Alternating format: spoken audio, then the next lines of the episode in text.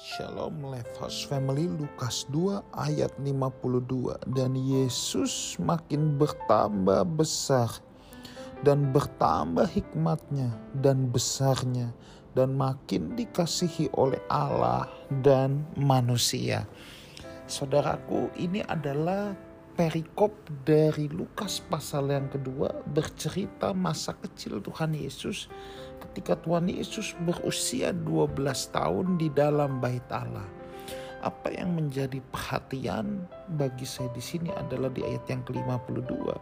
Di sini jelas Alkitab berkata dan Yesus makin bertambah besar dan makin bertambah hikmatnya. Lihat, Yesus adalah anak tunggal Allah, putra tunggal Allah yang turun ke bumi. Dia adalah Tuhan Allah sendiri juga.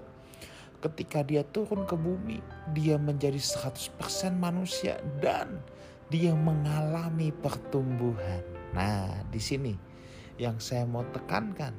Alkitab berkata ia bertambah besar dan bertambah hikmatnya. Ia nggak langsung tiba-tiba hebat, ia nggak langsung tiba-tiba tahu segala hal, ia tidak langsung semuanya tiba-tiba. Tetapi Yesus juga mengalami proses pertumbuhan. Nah ironisnya saudaraku, ada banyak orang puluhan tahun jadi Kristen tetapi hikmatnya tidak bertambah. Kerohaniannya tidak bertambah. Ia semakin lama menjadi Kristen, memang punya karunia panasin bangku gereja, ya. Memang sudah ditinjau dari usia rohaninya mungkin sudah belasan tahun bahkan puluhan tahun. Tetapi kita tidak melihat adanya pertumbuhan di sana. Ini yang mengkhawatirkan saudara. Seperti ketika Rasul Paulus ketika pertama kali mengunjungi jemaat di Korintus. Ia memang berikan susu saat perintisan. Wajar tetapi... Uh, tahun uh, demi tahun berganti ya tahun demi tahun berganti uh, jemaat di Korintus tidak bertumbuh sehingga Paulus berkata dulu aku datang pakai susu sekarang aku belum bisa loh kasih kamu makanan keras. Kenapa adanya indikasi tidak bertumbuh? Saudaraku hanya tanaman mati yang gak bertumbuh. Itulah sebabnya kalau kerohanian kita tidak bertumbuh sebenarnya kerohanian kita sedang berjalan menuju kematian Stagnan adalah ciri kematian. Pertumbuhan adalah ciri kehidupan.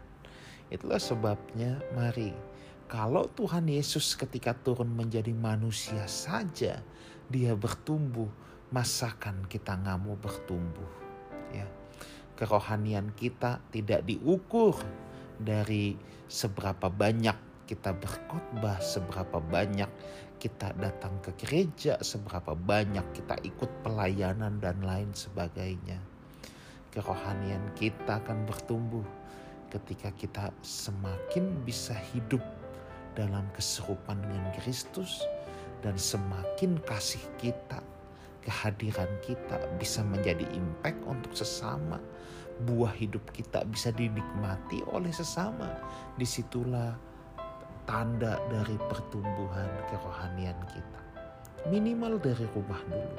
Bagaimana dengan pasangan hidup kita? Bagaimana dengan anak-anak kita? Apakah bisa semakin menikmati kehidupan kita?